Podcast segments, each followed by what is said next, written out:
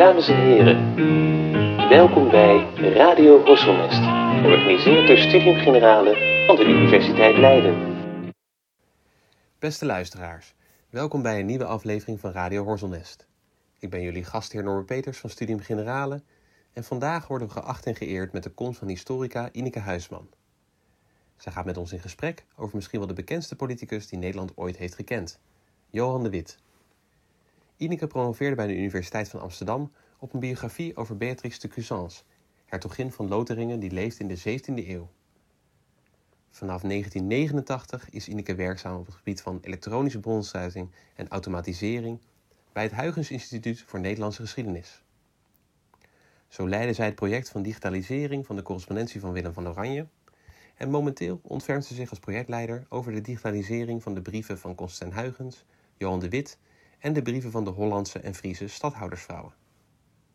En met Neerlandicus Tom van Kalmthout is hij projectleider van de digitalisering van het dagboek van Willem de Klerk. Naast het feit dat Ineke's projectgroep brieven uit de correspondentie van de Wit beschikbaar stelt voor onderzoekers en het grotere publiek, zijn er de afgelopen jaren ook verschillende brievenbundels van haar verschenen. Ineke en Roosje Peters, mijn vriendin, hebben als redacteurs inmiddels drie bundels samengesteld, die telkens rijkelijk zijn geïllustreerd door Jean-Marc van Tol. In 2019 verscheen Johan de Wit en Engeland. Gevolgd door Johan de Wit en Frankrijk in 2020 en dit voorjaar verscheen Johan de Wit en het Rampjaar. Alle drie de bundels zijn verschenen bij uitgeverij Catullus. Deze laatste briefbundel is de aanleiding voor ons gesprek van vandaag. In 2022 is het precies 3,5 eeuw dat het rampjaar begon, 1672. Dat is het moment dat de Republiek der Zeven Verenigde Nederlanden wordt aangevallen door Engeland, Frankrijk en de bisschopdommen Münster en Keulen. In 1672 is tevens het sterfjaar van Johan en zijn broer Cornelis. Bij de gevangenpoort worden de gebroeders overmeesterd door een boze menigte om vervolgens op brute wijze aan hun einde te komen. Met Ineke gaan we in gesprek over Johan de Wit en het rampjaar. Wat fijn dat je bij ons wil aanschrijven. Welkom. Dankjewel. Voordat we naar het rampjaar toe gaan, is het misschien goed om eerst even te beginnen met een soort inleiding van ja, wie was Johan de Wit? Laten we beginnen misschien met de familie de Wit. Wat voor familie was dat? Ja, nou, het was een Dordtse familie, een Dordtse regentenfamilie. Vader Jacob de Wit was eerst uh, volgens mij houthandelaar in Dordrecht. En later is hij ook echt een bekende Nederlandse regent geworden. En hij is ook een van de personen geweest die door stadhouder Willem II op eh, Loevestein gevangen gezet is. Want ja, slot Loevestein is aan de bekende gevangenis, toch? In de buurt van Gorkum. Ja, ja, iedereen kent natuurlijk van Hugo de Groot. Maar ja.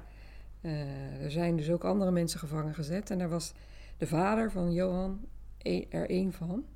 Dat was pas in de jaren 40. Uh, en toen was Johan al het huis uit zeg maar. Maar in de jaren... Nou ja, Johan is geboren in 1625 in Dordrecht. En uh, ja, had natuurlijk ook een moeder, Anna van de Korput, uit Brabant afkomstig. En nog twee zussen. En een broer, die ook iedereen wel kent, Cornelis. Ja. En uh, ja, zij zijn uh, geboren en getogen in Dordrecht. En nou, hebben daar ook de Latijnse school gevolgd. Ja. Zijn daarna in Leiden gaan studeren. En toen zijn ze ook nog als jonge mannen, zoals dat in die tijd uh, gebruikelijk was, op een grand tour gegaan door uh, Frankrijk en Engeland. En het leuke daarvan is dat Johan daar een journaal van bij heeft gehouden, wat bewaard is gebleven, mm -hmm. zodat we helemaal nog ja, kunnen nagaan waar ze overal geweest zijn. Ja, en dan misschien nog even terug naar Dordrecht. Want ja. dat is nou ja, tegenwoordig nog steeds een, een, een grote stad in Nederland. Maar was vroeger nog eigenlijk veel, ja, stond veel meer in aanzien.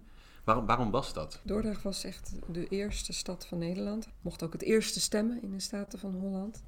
Uh, ja, het was een, echt een handelsstad. Hè. Alles kwam daar uh, via de rivieren kwam dat in uh, Dordrecht aan. Dus een centrum van wijnhandel, houthandel, het was een, ja, een hele belangrijke stad voor de Republiek. Ja, en je hebt nog steeds toch op het, op het stadhuisplein van Dordrecht staan ook toch nog steeds een beeld van, van de gebroeders de Wit? Of is dat niet het stadhuisplein? dat is niet het stadhuisplein, dat is op de Visbrug. Oh ja, ja, ja. ja. Maar dat, is, dat staat er pas sinds het begin is... van, van de vorige eeuw, geloof ik hoor. Oh ja, dat is echt nog vrij recent ja. dat die zijn geplaatst. Dat, is niet een, dat zijn niet oude standbeelden. Nee, nee. nee. nee. nee. En dan, je zei het al even, ze zijn dus naar de Latijnse school geweest. Daarna naar Leiden toe. Wat, wat studeerden ze in Leiden? Ze hebben rechten gestudeerd in Leiden. Ja. En hebben ze dan daar, was dat een lange opleiding voor hen of was dat? Een paar jaar, wel korter denk ik dan tegenwoordig. Ja, ja. En Johan had ook enorme wiskundige aanleg. Ja. Dus die heeft toen ook al wiskundelessen gevolgd bij Frans van Schoten. Ja. Die naam zegt je misschien wel wat. Dat was echt de bekende wiskundige hoogleraar in Leiden. Ja. En dat deed hij samen met Christian Huygens. Dus die hebben elkaar daar al ontmoet en ook uh, nou, elkaar gevonden, zeg maar, in hun liefde voor wiskunde. Grappig, en die zijn echt hun hele leven juist daarover contact blijven houden met elkaar. Terwijl ze natuurlijk verder heel erg uh, ja, uiteenlopende carrières hadden. Ja, ja precies. Ja. Maar inderdaad vreemd. Ja, want er is natuurlijk rechtsgeleerdheid. Dan verwacht je misschien niet meteen dat je ook daar wiskunde uh, bij studeert. En ook de verzekeringswiskunde, toch? Dat is toch ook altijd nou, zo'n dat, ja, onderwerp die... Ja, ja, dat is wel pas van veel later uh, tijd. Johan is echt de, de, bedenker geweest van de levensverzekeringswiskunde. Ja. Die nog steeds berust op zijn ideeën daarover. Maar dat weten, weten heel weinig, weinig mensen. Dat dat ook een verdienste van hem is. En hij heeft ook heel veel onderzoek gedaan naar de kegelsnede. Ook zoiets, ja, Ja. ik heb er helemaal geen verstand van. Nee, nee, nee, ik ook niet. Maar eh, daar heeft hij ook over gepubliceerd. En dat is door Christian Huygens geredigeerd. En, en uh, die heeft geholpen met de drukproeven en dat soort dingen allemaal. Ja, ja, Dus ja dat, opmerkelijk. uh, Dus ja. ook eigenlijk wel echt ook een beta. Naast ja, dat hij dus... hij was eh, een echte beta. En, of een echte beta. Nou, volgens mij kan je in die tijd niet zo heel erg over Nee, alfa's en klopt. beta spreken. Maar hij had heel duidelijk wel die logische uh, instelling. En ik denk dat hem dat ook heel erg heeft geholpen in zijn uh, carrière als raadpensionaris. Ja.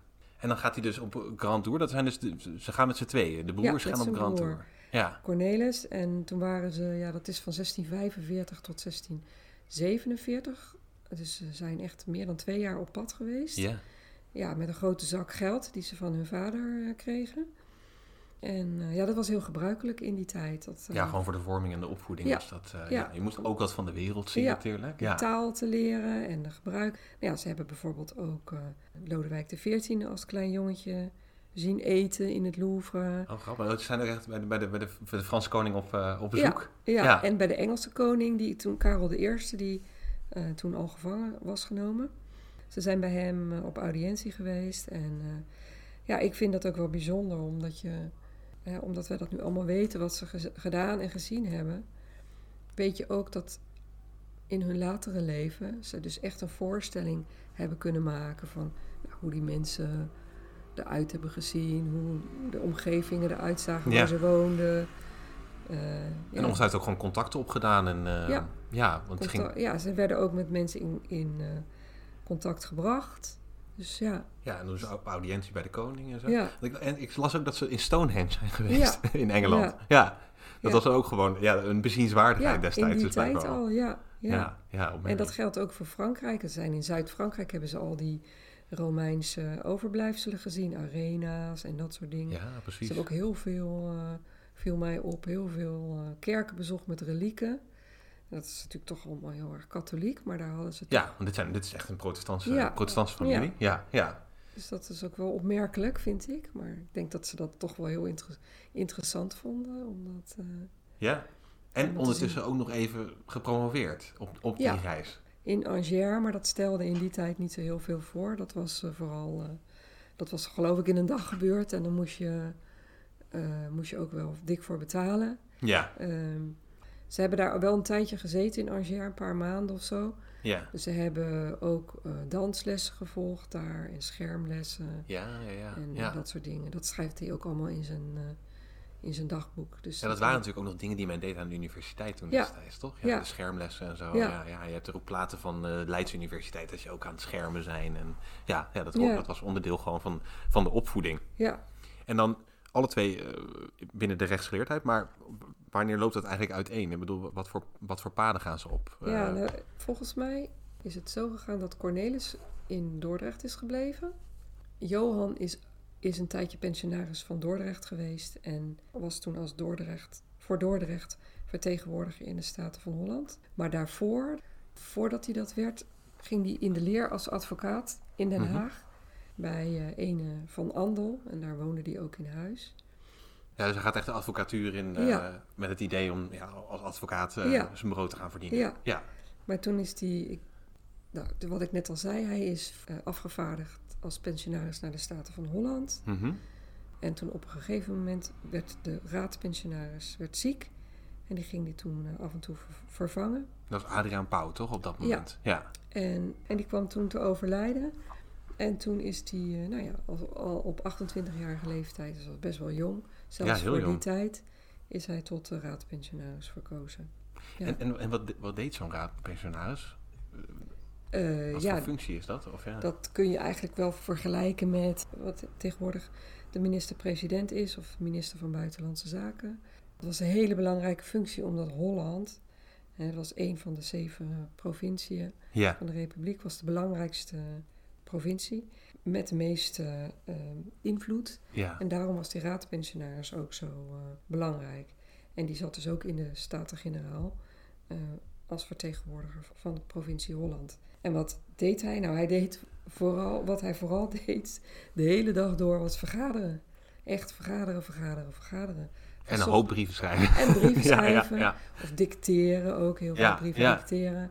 Maar ook, ja, en niet alleen brieven, maar ook ja, gewoon verslagen, dat soort dingen. Dus dat was echt, wat dat betreft is er niet zo heel veel veranderd, behalve dan de manier waarop je tegenwoordig natuurlijk brieven schrijft of tikt Tuurlijk, op de computer. tuurlijk.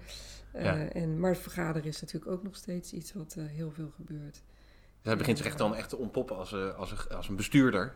Eh, Ja. eh, met alle bestuursfuncties die, die, die, die, er dus bij, bij horen. Ja, Ja, en, en in zijn persoonlijke leven, eh, hoe gaat het daar af? Wat Gaat hij trouwen? Gaat hij... Ja, nou, eer- in eerste instantie is hij dus nog vrijgezel. En dat is misschien ook nog wel even leuk om te vertellen. Want toen is hij ook nog eventjes lid geweest van de Ordre de l'Union de la Joie.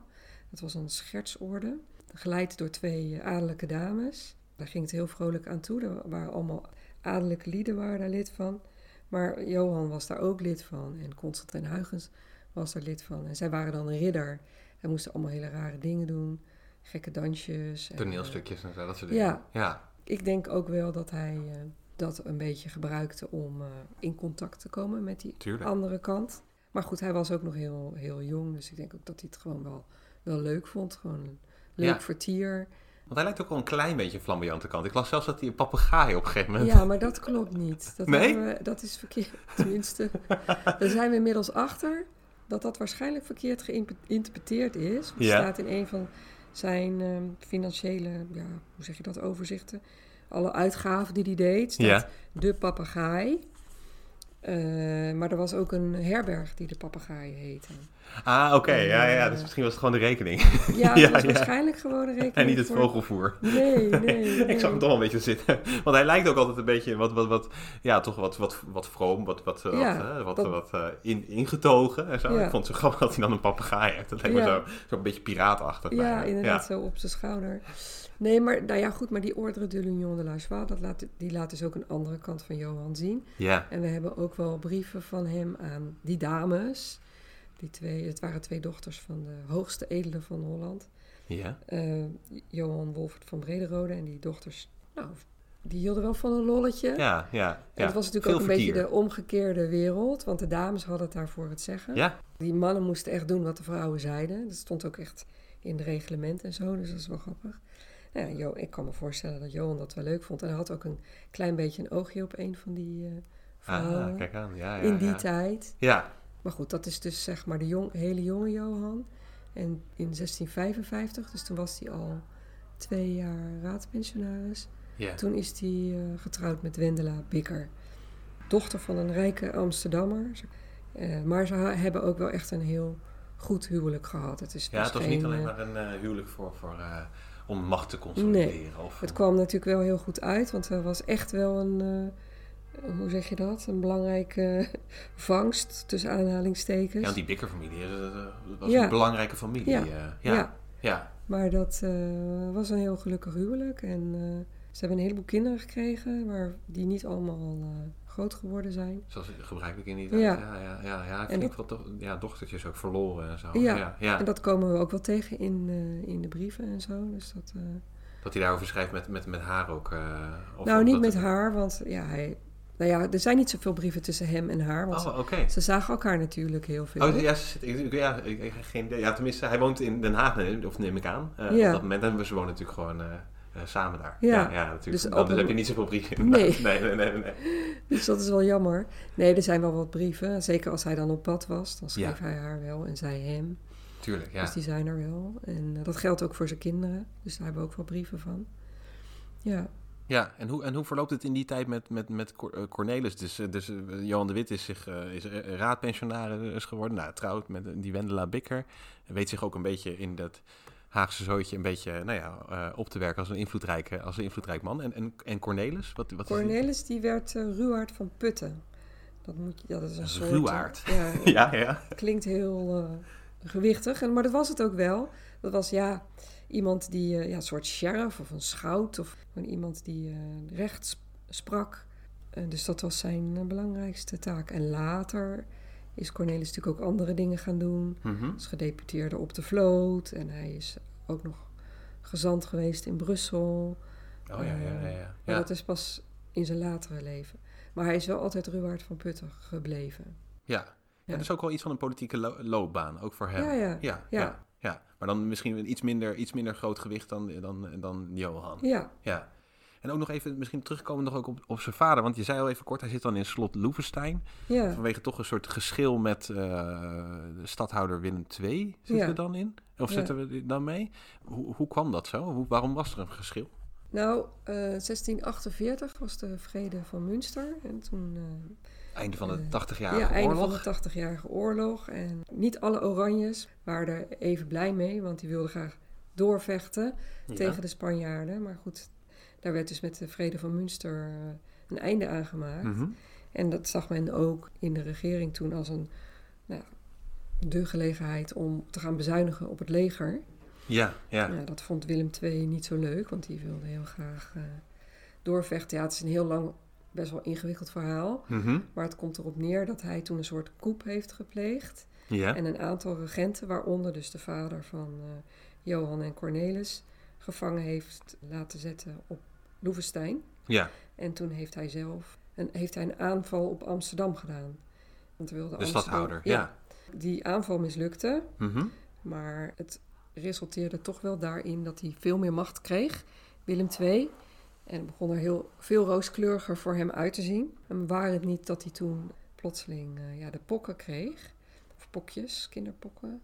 En ja, hij overleed. Dus ineens uh, was het afgelopen met de stadhouders. Ja. En zijn zoon, zoontje Willem III werd een week na zijn overlijden geboren. Maar die was natuurlijk nog heel klein. Ja. Uh, nou ja, vanaf dat moment, uh, of nou eigenlijk niet vanaf dat moment, maar wel min of meer. Begint eigenlijk die macht af te komen. Ja, begreep, grepen ja. de regenten hun kans om, uh, ja, om, om van die stadhouders af te komen.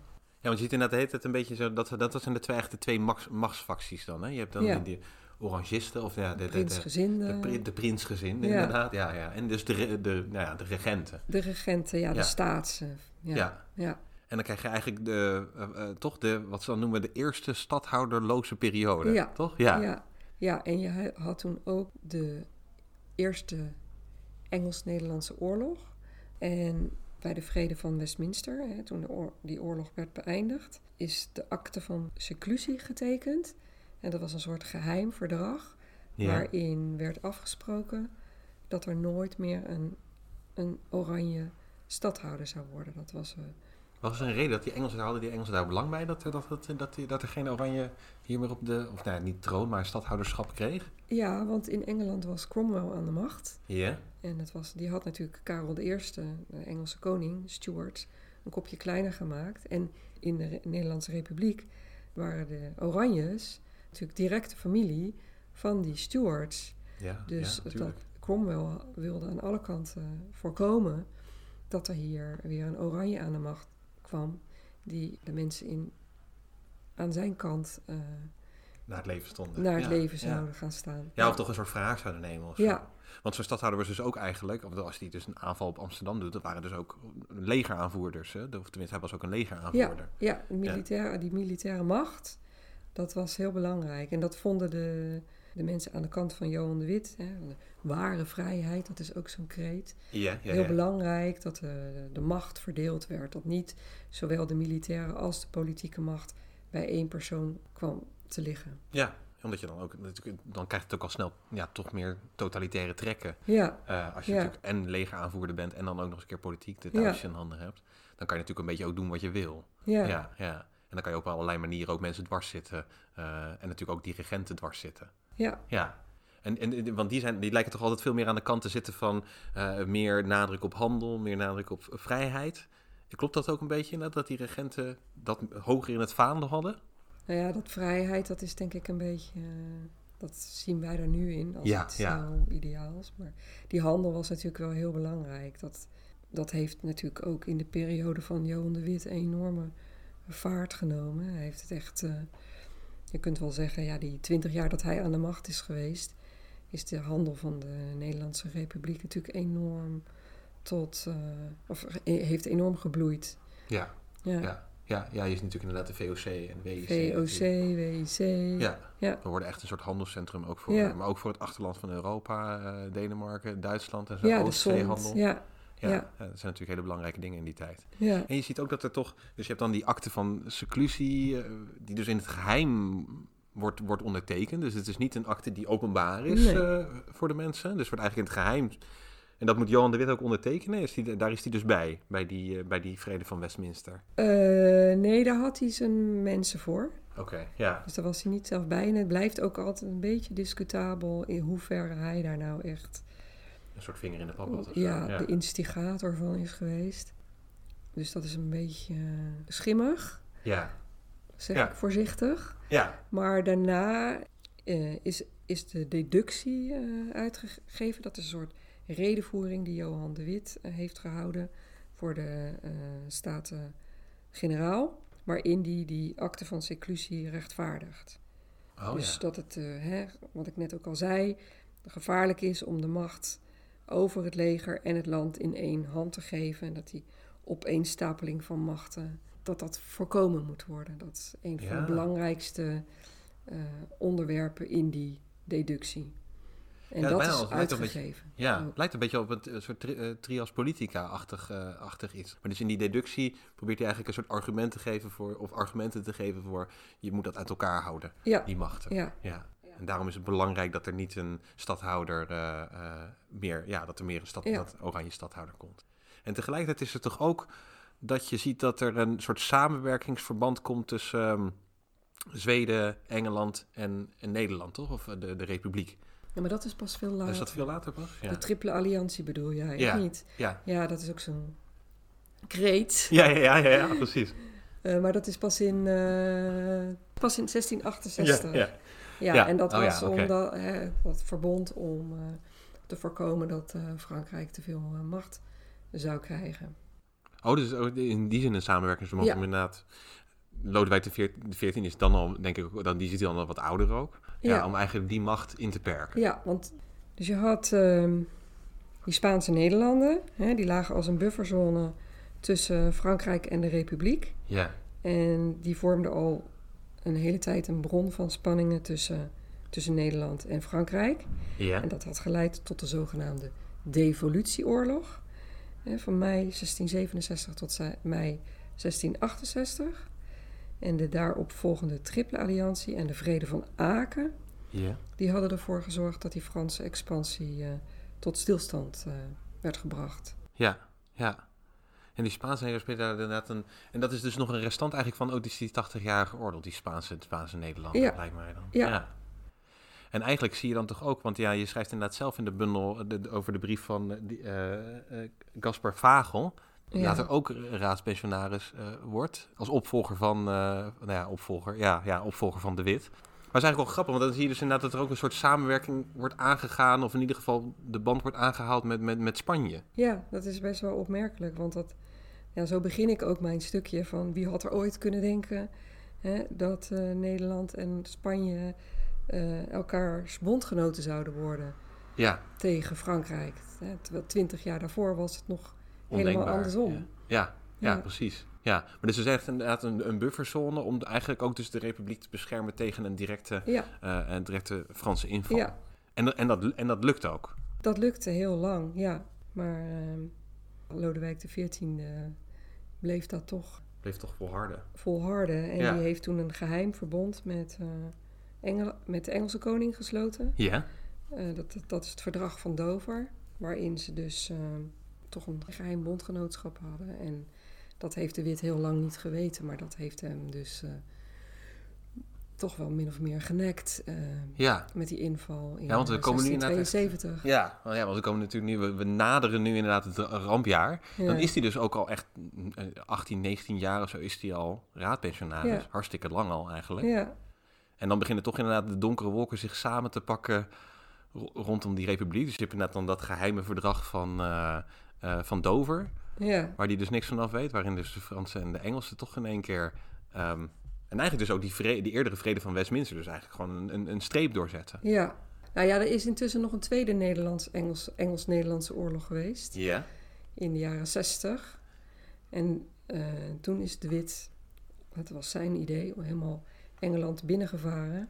Dan heb je de bekende... Chatham, eh, Raid. Ja, ja. Ja. met, eh, en daar hebben ze de Royal Charles, het Engelse vlaggenschip, hebben ze mee naar Nederland eh, gevoerd. Waar je nog steeds toch in het Ja. Rijksmuseum heb Ja. je dat grote... Boegbeeld staat er nog. Ja, ja, ja, ja, ja, ja, Ja. Wat inderdaad als een soort, eh, als een soort prijs werd, werd eh, ja, of een soort oorlogsbuit eh, werd, werd teruggehaald. ja, En dan varen ze helemaal de Theems op. Ja. Toch? Dat, eh, Ja. de, eigenlijk, de Engelsen zijn eigenlijk niets vermoedend, ligt die vloot daar gewoon stil. En die komen ze dan eh, ja, toch even een pak rammel geven. ja, ja. En dat is, eh, nou ja, dat, wordt daar, dat is nog steeds iets waar De Nederlanders de graag Nederlanders de refereren. Engelsen mee om de oren slaan.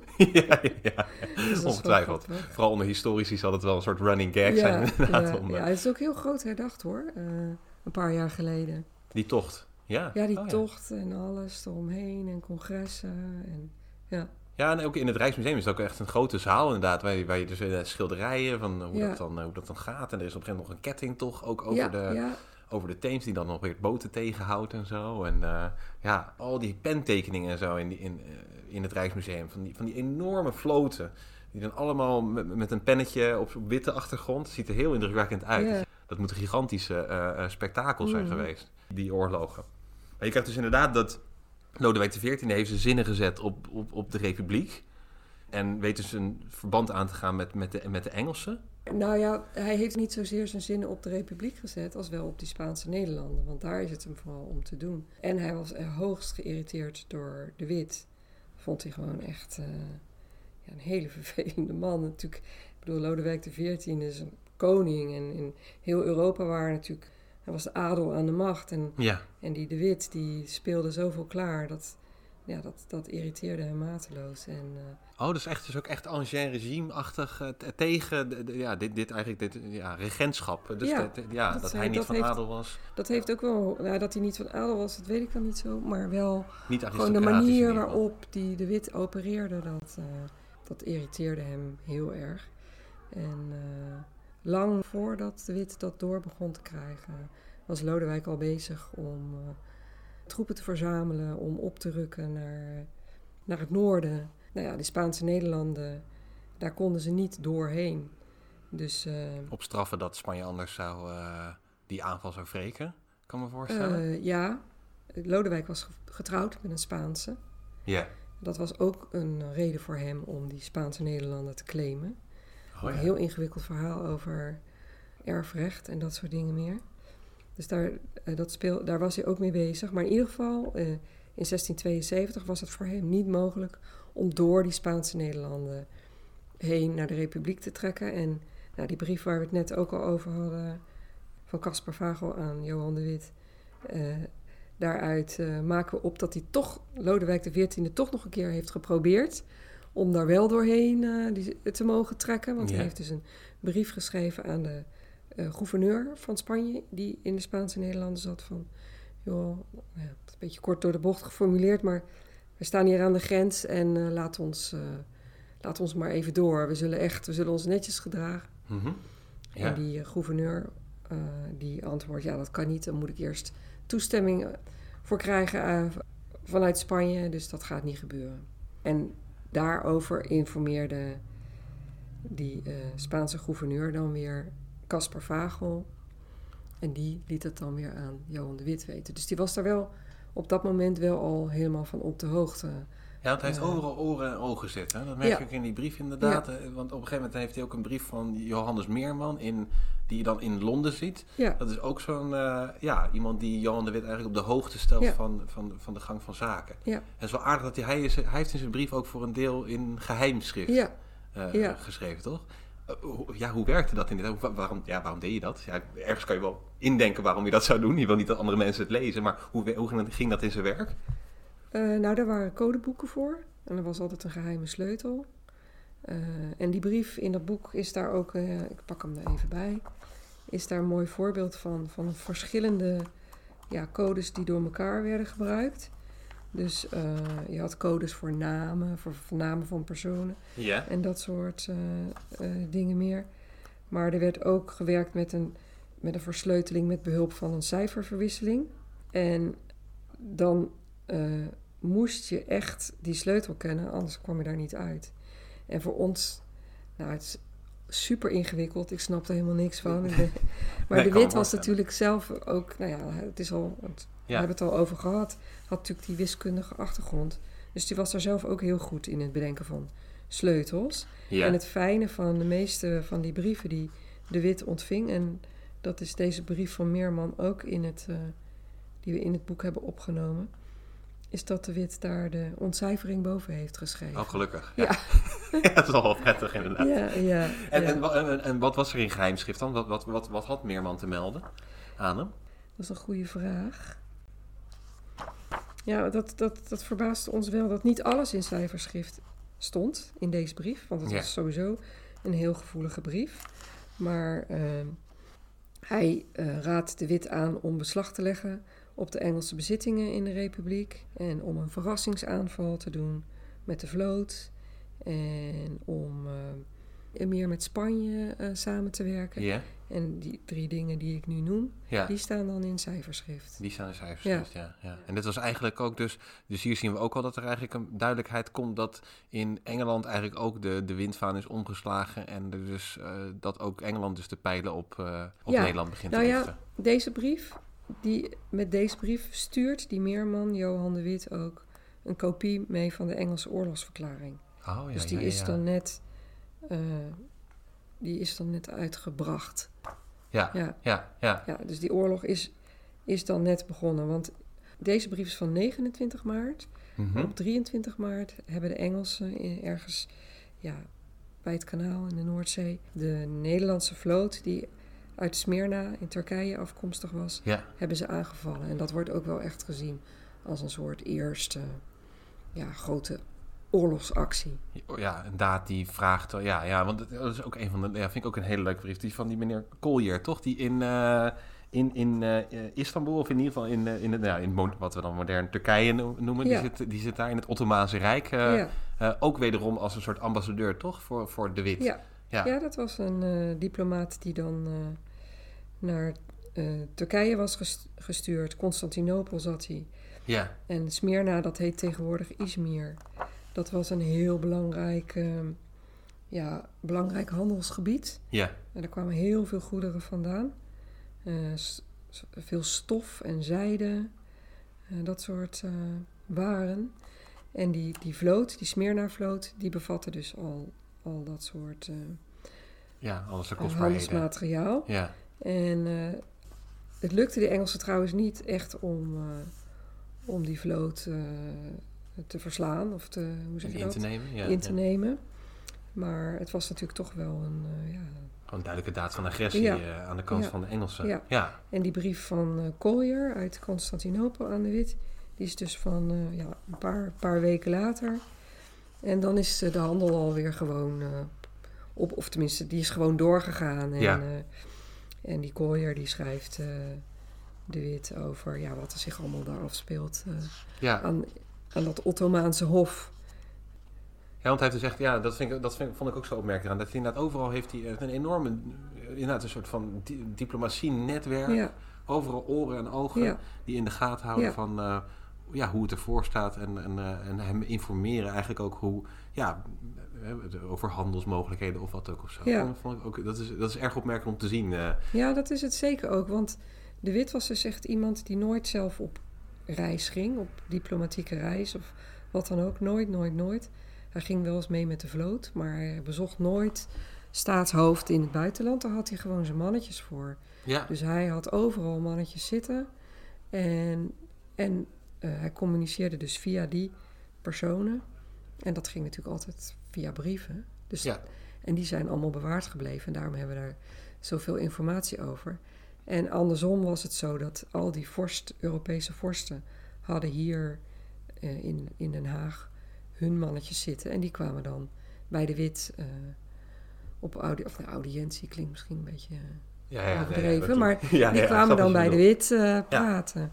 Dus daar hebben we veel minder brieven van, want dat ging natuurlijk heel veel mondeling. Ja, ja, ja, ja, ja. maar van, dat, ja, van het Nederlandse netwerk, dus of van, de ja, van, van de Republiek het netwerk, daar weten we dus wel heel veel van. Dat is heel veel van die brieven uh, bewaard zijn gebleven. En dan, dus dan heb je inderdaad dat je dus die, die handelsvloot wordt aangevallen. Uh, dan niet veel later gaan de Engelsen uh, ja, verklaren, de, verklaren de Republiek de oorlog. En dan komt het op een gegeven moment toch ook nog tot, tot, een, tot een zeeslag. Um, tussen de, de, de Franse, Engelse en, en uh, de Republiek aan de andere kant. Ja, dat is wel veel later. Dat is de slag, of veel later. Het speelt zich eigenlijk allemaal wel af in de eerste helft van 1672. Ja. Maar op 17 juni, dan is de slag bij Solway. Maar dan zijn de Fransen de Republiek al binnengevallen. Ja. Ja, dus, ja. Uh, Want Lodewijk stuurt een uh, groot, uh, enorm landleger. Ja. en die bisdommen sturen, ja. die voegen daar een troepen bij. Ja. en die komen eigenlijk vanuit de andere kant, steken die op een gegeven moment de grens over. Om al die, die Rijn, ja, toch aan de Rijn heb je dan van die forten en zo die, ze, gaan, die ze gaan innemen. Ja. En aan de andere kant heb je dan via de zee komen dan ook nog eens een keer de Fransen en de en Engelsen in, in conflict met, met de Nederlanders. En het grappige is, dus de Cornelis is daarbij ja, Cornelis die zit op, die, uh, op de zeven provinciën, maar die, en die leidt zwaar aan jicht op dat moment al. Oh ja, en, ja. Uh, dus crepeert ook nog een keer van de pijn, terwijl ja. hij dan op die boot zit. En die, zit dan, die wordt dan op, op een stoel op het dek vastgebonden. En daar heb je ook een hele mooie 19e eeuwse schilderij van in het Rijksmuseum. Ja. En dan is die omringd door allerlei soldaten. En die worden dan met bosjes ja, neergeschoten en Oh god, raak het is een soort levend schild of ja, zo. Ja, ja. En, dus dat is levensgevaarlijk dus om op zo'n dek daar te, te zitten ja, in dat strijdgevoel. Ja, maar hij bleef daar dus heel moedig, tenminste, denk het. Heel Onverschrokken in ieder geval. Onverschrokken ja. bleef hij daar op dat dek zitten. En terwijl alle mannen om hem heen het leven lieten. Ja. En, maar goed, uiteindelijk, en ja, ik, wat ik begrijp is dat er niet echt een overwinnaar is van, uit deze slag. Maar werd, wordt wel altijd gezegd dat de Nederlanders mhm. eh, die slag hebben gewonnen omdat ze iets minder schade uh, hebben geleden. Ja. En ook um, de Engelsen daarna niet meer, geen bedraging meer vormden voor de Nederlandse kust. Dus die trokken zich heel erg terug. Ja. Ongetwijfeld trouwens, net, als ze natuurlijk wel hadden verloren, dan hadden de Engelsen natuurlijk gewoon uh, in ieder geval Den Haag kunnen, ja, bijvoorbeeld. Dan hadden ze een, een, een, landleger nog daaraan, uh, of dan een leger nog daaraan land kunnen zetten. Ja. Of beschietingen kunnen doen op de, op de havensteden natuurlijk. Ja. ja.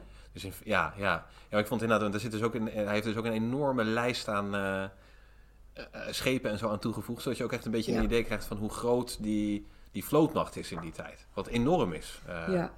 ja, dat is wel een hele leuke lijst. Die heeft hij als een soort want die brief zelf is eigenlijk helemaal niet zo interessant. Het is dus een brief van Cornelis aan Johan, waarin die uh, uh, vertelt van, nou ja, uh, slag is, heeft plaatsgevonden. Ja. En in de bijlage geef ik een lijst van, ja, van alle schepen en andere boten die hebben meegevaren. Ja, want er vaart van alles nog wat mee. Hè? Je hebt het grote schepen met, met kanonnen eraan, maar je hebt ook schepen die branders of zo ja. zijn. Toch een, ja. ja. allemaal van dat soort... Uh, Fregatten.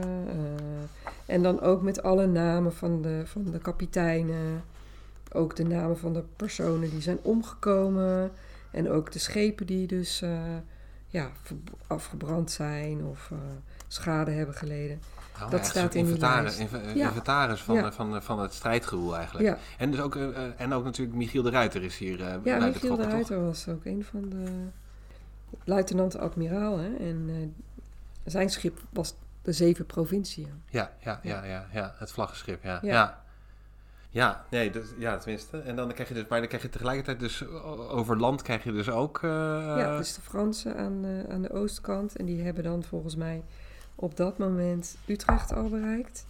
Dat hebben we dus ook in, in deze bundel opgenomen. Uh, een brief van een hooggeplaatste drost, is het geloof ik. Yeah. Uit Goejan voor Wellesluis, die de wit waarschuwt. Want ze hebben dan al het idee opgevat om de hele boel onder water te gaan zetten. Hè, wat de Hollandse waterlinie. Ja, dat was even een van de grote uh, verdedigings. Ja. Uh, laatste, of laatste verdedigingslinies eigenlijk van, van de provincie Holland. Was dan de, de, waterlinie, dat was net het gebied wat je dan eigenlijk helemaal onder water kon zetten, zodat die troepen. Ja, dat die Fransen niet verder konden komen, of de Fransen en de Duitsers, of de Fransen vooral dan, niet verder konden komen. En um, die man die schrijft een brief uit Goejan voor Wellensluis. Dat uh, die boeren die hebben, daar, uh, die hebben dat gehoord. Dat dat uh, plan is opgevat om de boel daar onder water te zetten. Nou, dat zagen die boeren natuurlijk helemaal niet zitten. Nee, want die zien hun oogsten ja. natuurlijk verloren gaan. Ja, ja, ja, ja dus, de wit, dus hij waarschuwt de wit daarvoor van let op, dat gaat, hier, dat gaat hier helemaal niet goed. Ja. Dus aan alle kanten bereiken hem berichten van, nou, van, zijn broer eh, Cornelis over uh, hoe het is gegaan met, uh, met, uh, met die slag bij Solbay. Ja. En dan vanuit het oosten over de Franse inval. Want dat gaat eigenlijk een stuk voorspoediger ook. Hè? Want die, die, die, slag op zee, daar weet eigenlijk nog wel de, de, de, ja, de Republikeinse zee, zeemacht weet nog eigenlijk redelijk stand te houden tussen tegen die Fransen en die, en die Engelsen. Uh, maar op land is het eigenlijk een stuk slechter gesteld. Ja, uh. ja en, en de Wit krijgt dus, krijgt dus ook, ook in de geschiedschrijving trouwens, ja. wel het verwijt dat hij dat landleger dus heel erg heeft verwaarloosd ten koste van de vloot. Ja. Ja, omdat dus inderdaad ook het landleger, omdat de stadhouder van oudsher daar uh, de, de, machthebber over, de bevelhebber over was, was er ook een, een, misschien een aanleiding om daar ook minder geld naartoe ja. te laten gaan. Om die macht eigenlijk te laten in, in te krimpen. Uh, maar tegelijkertijd krijg je dan eigenlijk natuurlijk dat je dus wel iets meer, uh, ja, dat je, dat je, dat je open ligt eigenlijk aan je landsgrens om, om dan via die kant te worden aangevallen. Want dat gaat eigenlijk in een heel rap tempo inderdaad. Hij weet eigenlijk vrij vlug door te stoten Nederland in. Ja. Ja. Ja, dat is ook nog een soort beleg van Woerden en zo. Jij hebt, en je hebt dan allerlei plaatsen die het moeten ontgelden ja. eigenlijk. Maar uiteindelijk stokt het wel, toch? Die, die, die, Fransen weten toch niet uiteindelijk heel de, de Republiek in te nemen. Nee, het, is, het heeft heel lang... Uh, want dat gaat ook, loopt nog heel lang door natuurlijk. Hè? Ja, Ik bedoel, 1672 na, na is, is het rampjaar, maar dat was het 1673 eigenlijk ook nog steeds. Het was natuurlijk het was, verschrik, verschrikkelijk wat er zich allemaal aan het afspelen was. En er kwam steeds meer ja, de roep om een stadhouder en de Wit en zijn broer Cornelis ook. En sowieso alle regenten. Ja, die kregen echt die kregen de schuld van wat er allemaal uh, aan de hand was. Ja, ja de verliezen dus, die werden geleden en zo. Ja, en ja. een hele hoop mis, leidt ook te mislukken. Want je hebt ook een brief inderdaad opgenomen over, die, uh, over uh, iemand die in, in Zweden zit. Wat, die natuurlijk die, die alliantie hadden gevormd juist om de Fransen tegen te houden. Ja. En die Zweden laten het op een gegeven moment gewoon afweten. Ja, ja. ja. Ja, ja. Dat, ja dat kaarthuis lijkt ook... steeds geïsoleerder. Ja, ja, ja. ja. En dan beginnen ook er steeds meer beschuldigingen dus aan zijn adres te komen. Ja. En dan wendt hij zich op een gegeven moment tot de, de jonge stadhouder uh, Willem III. Om, om eigenlijk te vragen van kan je alsjeblieft die geruchten die allemaal de ronde doen over mij... kan je die alsjeblieft uh, te niet doen of uh, ontkrachten. Ja. En dat gaat hij dan ook niet doen. Nee, dat vind ik ook een heel, dat is een heel, ja, dat is een hele saillant, saillante brief is dat ja. ook, toch? Of een, ja, een hele belangrijke, ja. belangrijke brief. Dat is een brief van Willem III aan Johan de Wit. Ja. En die hebben we de titel Mediastrategie uh, meegegeven. Omdat wij echt denken dat, het een, dat die Willem III dat doelbe, doelbewust die brief aan de Wit heeft laten lekken. Ja, en die ja. is ook gedrukt. Oh ja, ja en ja, die, en wat daaraan vooraf ging was inderdaad dat uh, ja, de Wit werd beschuldigd van corruptie en verwaarlozing van het landleger. En die had haar zelf ook al een gedrukte brief tegenin uitgebracht. Ja. Uh, maar dat, uh, dat, dat hielp allemaal niet. Dus nee. dan heeft hij Willem III gevraagd, nou steun mij hierin. en Willem III schrijft hem terug. Ja, nou merk je ook eens hoe het voor jou is, al die ellende. Wat hebben wij Oranjes de afgelopen jaren allemaal niet al meegemaakt? Dat schrijft hij er dus ja, want er waren natuurlijk ook allemaal pamfletten ongetwijfeld tegen de Oranjes weer. Ja, ja, ja, Dus hij was zelf ook vaak het slachtoffer van... Ja, dus ja. dat schrijft hij. En hij schrijft ook van, ja, ik, dat verwaarlozen van het leger... daar heb ik allemaal geen tijd voor, want ik heb nu belangrijkere dingen om te doen. Ja, ja, dus hij ontkracht het niet, maar hij, hij helpt hem ook niet. Nee. En, uh, en die brief is, nou ja, die is dus waarschijnlijk doelbewust ook gedrukt door de mensen om Willem III heen. Die hebben gedacht van, nou, laten we die maar eens uh, in druk uh, uitgeven. En, uh, en dat heeft toen daarna geleid tot een, ja, een tsunami van pamfletten tegen Johan de Wit. Ja. En dat was echt ook wel, ja, dat heeft ook echt wel tot geholpen aan, met, aan zijn ondergang, tot zijn ondergang. Ja, ja, je ziet inderdaad dat er eigenlijk steeds meer uh, beginnen mensen zich tegen te keren. Er zit ook heel mooi op een gegeven moment erin, waar je ook echt bijna ziet dat het een soort zondebokmechanisme lijkt te worden. Waarin hij ook zegt van ja, als in tijden van voorspoed, dan, uh, dan klaagt men niet. Maar dan als het tegen zit, uh, en het zat tegen, dan, dan is het in één keer, dan is in één keer hij de enige die daar verantwoordelijk voor is. Of, ja. of verantwoordelijk voor moet worden gehouden. Voor al, dat, al het onheil wat dan de republiek overkomt. En hoe, hoe zit het dan? Want die, die, die, die, je hebt dus die jonge Willem III. En dan heb je dus eigenlijk die akte van seclusie. Maar toch weet hij stadhouder te worden. Ja, ja dat is ook een heel, best wel een beetje ingewikkeld verhaal. Maar je hebt in, in eind jaren 60 nog het eeuwig edict. Dan wordt dat eigenlijk nog een keer opnieuw bevestigd. Ja. geen stadhouder meer eh, aan de macht. En dan, uh, nou ja, goed, als het dus allemaal begin jaren, begin 1672 zo de verkeerde kant uit uh, dreigt te gaan, dan ehm, krijgt Willem III al voor het eerst uh, het kapitein-generaalschap uh, toebedeeld. Maar dan voor één keer eh, om te beginnen. Daar stemt de Wit dan in toe. Van, hij ziet ook wel van, nou ja, er is geen houden meer aan, laten we daar maar in toestemmen. Ja.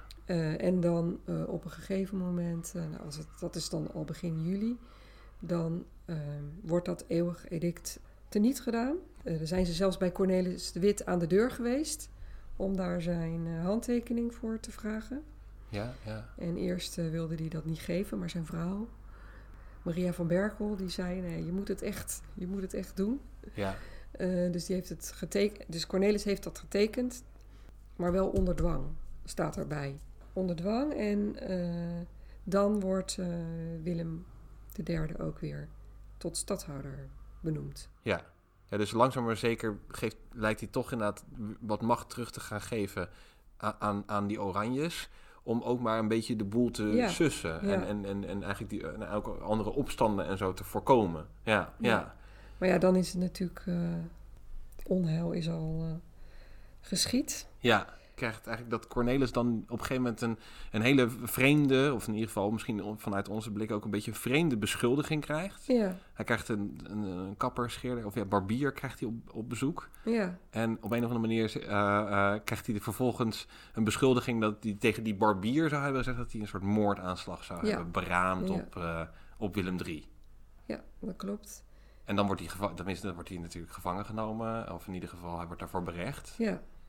En dat is ook alweer iets wat, waar, je, waar je ziet dat het langzaam begint af te schuiven. En dat het langzaam ook uh, van kwaad tot erger begint te worden voor ja. de broeders de Wit. Ja. En die uh, barbier die wordt eerst zelf ook beschuldigd hoor daarvan. Maar die, uh, die weet zichzelf eh, vrij te pleiten. Mm -hmm. En ja, Cornelis wordt dan dus gemarteld ook. dat is ook, was best wel uitzonderlijk voor die tijd al. Zeker voor zo'n hooggeplaatst persoon ja, maar hij heeft nooit bekend, nooit toegegeven dat het zo was.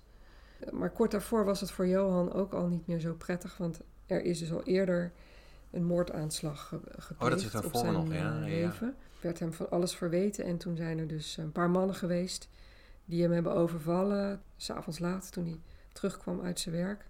En toen is hij heel, heel zwaar gewond geraakt. Hij heeft ook een paar weken het bed moeten houden. En uh, nou, daar is hij weer van hersteld. Ja. Maar daar hebben we ook een brief over van, van Cornelis, van Johan de Wit hebben we een brief uh, aan zijn familieleden en nog een paar andere mensen waarin hij verslag doet van wat, er, wat hem is overkomen en hoe hij zich voelt en hoe het nu met hem gaat en dat hij even rust moet nemen.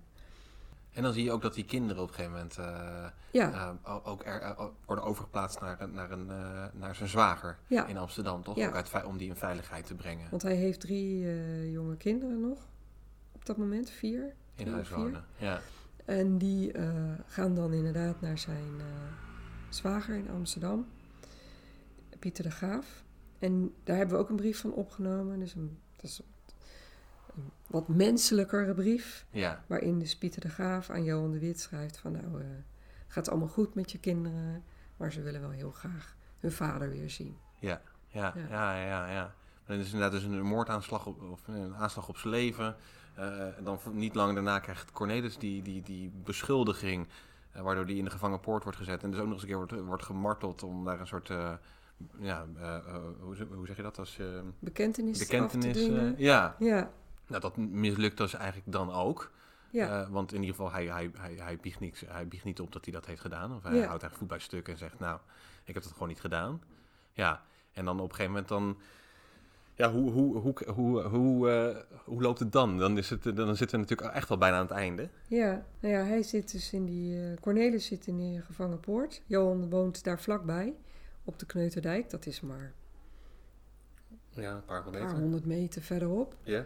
En Cornelis heeft dan dus als vonnis gekregen dat hij verbannen wordt uit de provincie Holland. En Johan uh, die gaat daarheen, tenminste, dat, dat is een van de lezingen van wat er is gebeurd. Ja. Die gaat daarheen om hem uh, ja, gedachten zeggen, uitgeleide te doen. Um, een ander verhaal is dat hij daar onder valse voorwenselen heen werd gelokt. Maar hoe dan ook, uh, daar heeft zich dan een uh, enorme meute om de gevangenpoort heen verzameld, waaronder ook schutterij. Ja. En die hebben daar dan dus lucht van gekregen dat die broers daar allebei zijn. En die worden dan ja, naar beneden gesleurd en ja, vermoord ja. en gelyncht. En nou ja, dat is ja, gruwelijke wijze. Het is, uh, ja, je hebt ook dat, dat enorm akelig. Je hebt er meerdere schilderijen van, maar je hebt er enorm akelige schilderijen van. Waar je inderdaad ja. ook ziet dat ze op hun kop hangen en, en inderdaad uh, ja, gevild. Ja, de wipgalg noemen ze dat. Als, als varkens eigenlijk worden, zeg maar, geslacht. En ja, heel veel van hun lichaamsdelen zijn ook verhandeld, geroosterd, opgegeten. Ja, het is echt, ja, het is echt verschrikkelijk. Heel, en, en er zijn er dus ook nog wat van bewaard gebleven. In, de, in het Haagse Historisch Museum worden nog uh, een vinger en een uh, de tong, tong bewaard. Ja. ja. Ja, ook heel, ja, ja tenminste, ja, uh, akelig. Ja, heel, uh, ja, heel akelig. En, en, en, en hoe, hoe, hoe, hoe kon dat dan? Waarom kon dat zo uit de hand lopen? Was, er was geen politie, er was geen, er was geen leger, was er, was er niemand, hadden ze geen bewaking bij zich? Hoe kon, hoe kon dat zo uit de hand lopen? Ja, dat, daar zijn ook de meningen heel erg over verdeeld. Maar er wordt wel gezegd dat er toch ook ja, uit de kring van de stadhouder zelf. Dat die daar een belangrijke rol in hebben gespeeld. En dat ook uh, de, de schutterij. Niet daar... ingrijpt, of in ieder geval niks ja. doet. Ja. En ja, dat heeft allemaal meegespeeld. En die wo woedende menigte.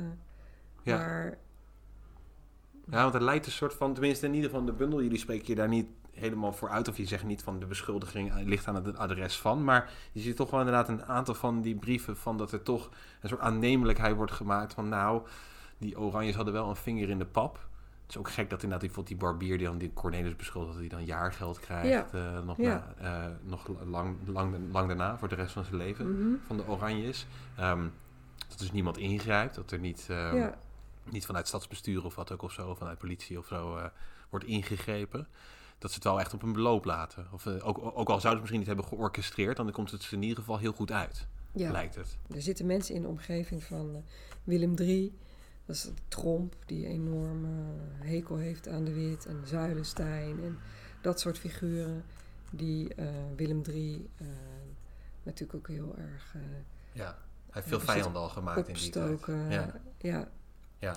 Want eerder hadden ze best een aardige uh, relatie.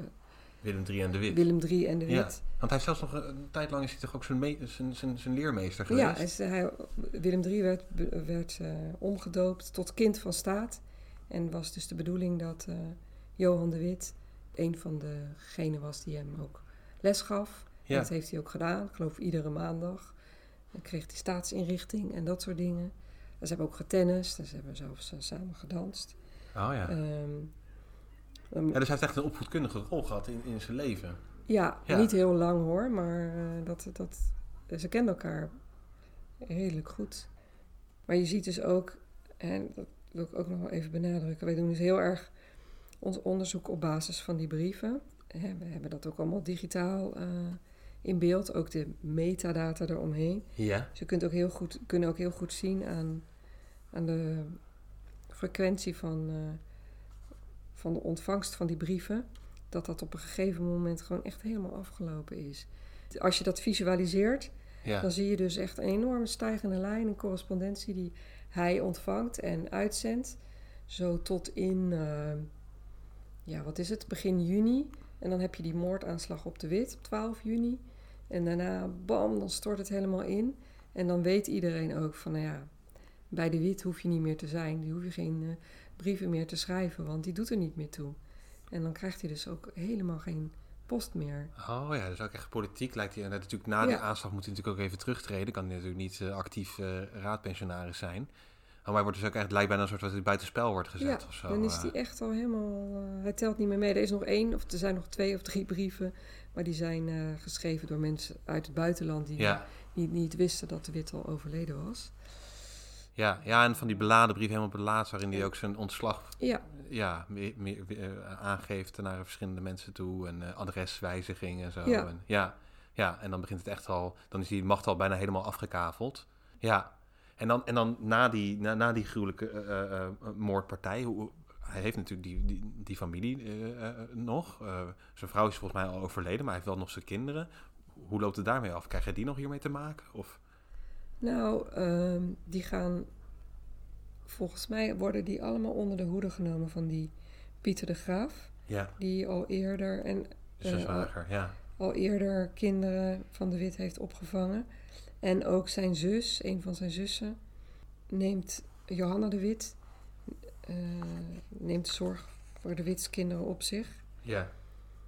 Want die verblijven in Den Haag, toch? Op dat moment dat, dat dit, dit gebeurt. Ja. Volgens mij gaan die allemaal wel echt heel snel weg. In ieder geval Maria van Berkel, de vrouw van Cornelis, die, er is een brief van haar op de dag van de moord. En die is al vanuit Rotterdam geschreven. Oh ja, ja, uh, oh ja. Dus... Is ze al uit Den Haag uh, gevlucht, tussen aanhalingstekens. Ja. Maar het blijft nog heel lang onrustig. En die, die regenten hebben het nog heel lang heel zwaar. Ja, ja. Ook de mensen die, het, die dus niet zo akelig aan hun einde zijn gekomen. Ja, in één keer krijg je gewoon weer zo'n ommezwaai. Eigenlijk net als dat je eerder had gehad, die ommezwaai dat in één keer uh, uh, Willem II uh, komt te overlijden. En dat die regenten niet meer worden vrijgelaten enzovoort. En niet meer. En in één keer die juist het, het, bewind over kunnen nemen. En die, en die Oranjes eigenlijk veel meer worden weggeduwd. En nu zie je in één keer een omslag eigenlijk de andere kant op. Ja, ja, ja. ja. en die Caspar Vagel, hè, die dus eerst een van de grote bedenkers was van het eeuwig edict. Ja. En die wordt dan dus, die volgt de wit op als raadspensionaris. En het is een enorme Willem III-fan eh, geworden ineens. Wat, wel, wat ik ook wel heel opmerkelijk heel vind. Heel opmerkelijk inderdaad, ja. Ja, ja, ja. goed, is, ik bedoel... ook opportun natuurlijk, kan me ook voorstellen. Kan anders dan, kan hij het wel schudden. Ja, uh, Maar die is dus zeg maar de laatste dertien jaar van zijn leven raadspensionaris geweest. En ja, een grote medestander, vertrouweling van Willem III. Ja, ja. En dan wil ik misschien nog even afsluitend vragen over, ook, ook gewoon over een project. Want er is dus in het Nationaal Archief ligt dus het, het archief van Johan de Wit. Waarom is dat zo, waarom is dat zo compleet ja. eigenlijk? Waarom hebben we zoveel van hem? Is dat niet verbrand? Of, ja, ik kan ook nou, dat heeft dus ook alles met die, uh, dat vreselijke einde te maken. Want drie dagen na de, die uh, moord op de gebroeders de Wit hebben de Staten van Holland bepaald dat dat archief in zijn geheel in beslag moest worden genomen. Ah, okay. En dat is dus ook gebeurd. Ja. En dat is dus door de Nederlandse overheid toen in beslag genomen. En ja, dat is altijd uh, op. Ja, toen heette dat natuurlijk nog niet het Nationaal Archief. Mm -hmm. Maar dat is altijd in het archief van Nederland bewaard gebleven. En daarom is het ook zo compleet. Uh, en dat, daar hebben wij dan dus nu bij ons, het, maken, het doen van ons onderzoek uh, en het inventariseren van al die brieven, hebben wij daar heel veel profijt van. Ja, want Hoe, hoe, wat is de omvang ongeveer? Hoe, waar moeten we aan denken? Nou, het beslaat ongeveer 35 meter plank oh, in het archief. En we weten nog steeds niet precies om hoeveel brieven het gaat. Maar we schatten het ongeveer op 35.000. Ja, dat is enorm. Ja. Natuurlijk. Ja. En het grootste gedeelte daarvan zijn brieven aan de wit. Mhm. Maar we hebben ook, uh, en dat is wel heel mooi, ook best wel bijzonder. We hebben ook 6000 brieven van de wit. Ja. Uh, want hij heeft eigenlijk alles uh, in concept bewaard. En oh, ja, ja, dat zijn hele dikke boeken vol met zijn handschrift. Mm Dat zijn allemaal concepten en die werden dan later, daarna werden die door een klerk overgeschreven in een net. En die gingen dan als brief de deur uit. Maar die concepten die hebben wij dus allemaal tot ja, onze beschikking. En dat is echt... Dat is geweldig, ja. ja. En, en, en, en ook, waarom is dit... Want jullie zijn dat eigenlijk aan het ontsluiten nu pas. Maar het is eigenlijk ook alweer bevreemdend om te horen dat dat dan nu wordt... Ons, is er al eerder, is er al voorbereidend werk geweest? Of waarom is het niet eerder uh, eigenlijk gebeurd? Nou, het is, wel, het is wel eerder gebeurd. Ja. uh, er is in de 19e, of zelfs eh, in de 18e eeuw al een editie verschenen met vooral uh, diplomatieke correspondentie van de Wit, uitgegeven door een achterkleinzoon, geloof ik zelfs. En in de, aan het begin van de 20e eeuw zijn er twee historici geweest, Japex en Fruin, dat zijn best bekende historici uit die tijd. Die hebben een selectie gemaakt van wat zij de belangrijkste brieven uit zijn correspondentie vonden. En dat zijn er ongeveer 2000 brieven. Ja. En dat, is ook, dat zijn ook hele belangrijke brieven. Mm uh, maar dat is gewoon niet alles. Hè? Nee. Ik zei net al, het zijn 35.000 brieven. Ja. Dus je kunt wel nagaan hoeveel brieven er dan... Niet uh, zijn geselecteerd. Ja, ja, ja. ja. En heel veel brieven zijn ook heel belangrijk, ook heel interessant. Maar er zijn ook allerlei andere brieven. Want hij schreef, hè, wat ik net ook al zei... Hij schreef ook met zijn familie. Hij schreef met geleerden. Hij schreef met kunstenaars. Er zijn heel veel brieven van... Uh, gewone mensen, tussen aanhalingstekens, die de wit om een uh, gunst vragen. Ja. Nou, daar hadden die, die historici als Japix en Fruin al helemaal geen belangstelling voor. Maar dat is echt heel interessant om te zien van, ja, wat vragen ze dan? En, ja, ja. Ze doen, ze, hij krijgt ook heel vaak dingen aangeboden, uh, een, een, zwijn of een tonnetje haring of ja, allerlei andere cadeautjes oh, en zo. Ja, ja, ja. En dat nou, dat is ook interessant om te zien hoe, pro, hoe probeerden ze de wit uh, zover te krijgen. Hij nam het overigens nooit aan hoor. Want het was echt tegen zijn instructie. Dat hield hij ook altijd heel netjes bij. Dat kunnen we ook allemaal zien. Oh, dus, hij, dus hij stuurde dat allemaal terug. Dat, niet, uh, nee. dat, dat, nee. dat, wilde hij niet? Nee. Nee. Is het gewoon om, om te voorkomen dat er een politieke invloed ook uh, daar dan van uitging? Nou ja, dat was inderdaad... Ik heb het hier ergens nog bij me liggen als uitdraai. Maar dat was gewoon... Dat stond ook zwart op wit. Dat was tegen zijn instructie. Dat hij mocht dus echt geen, uh, geen zaken aannemen. Ja, uh, want het kon anders worden begrepen als een steekpenning als, of ja, als een, als, als een of zo. Ja, ja, ja, ja. ja. Eigenlijk heel anti, ja, dus heel erg anti, ja, eigenlijk op, ja, want dat zie je natuurlijk ook in die brief. Ik kan me ook voorstellen dat je af en toe juist wel iets tegenkomt wat wijst op, wat wijst op corruptie, maar dus eigenlijk bij de wit nee. helemaal niet. Nee, we hebben echt wel het idee dat het een heel onkreukbare man is geweest. Ja. Dat hij echt oprecht ja, heeft gehandeld uh, volgens die richtlijnen. Nam gewoon ja. niks aan. Bijvoorbeeld, er was een everzwijn, wat, hem werd, wat ik net al zei, wat hem werd, uh, werd hem gestuurd.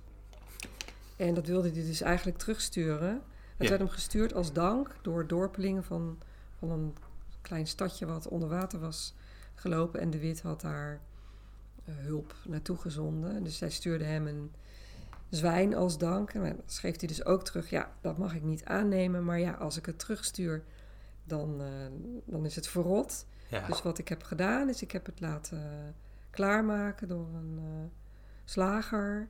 En uh, het, ik heb het laten verkopen. En ik stuur hier jullie de opbrengst daarvan uh, Oh, dat is wel heel... terug. ja, Ja, dat is wel heel wel zuiver heel, op de gaten. heel erg sympathiek. Ja, Maar ja, hij wist natuurlijk ook dat dat allemaal... Hij moest al die brieven ook bewaren. Het kon ook door ander, andermans ogen worden gelezen. Dus Ja. hij wilde dat ook heel netjes zwart op wit verantwoorden. Dat hij dat niet deed.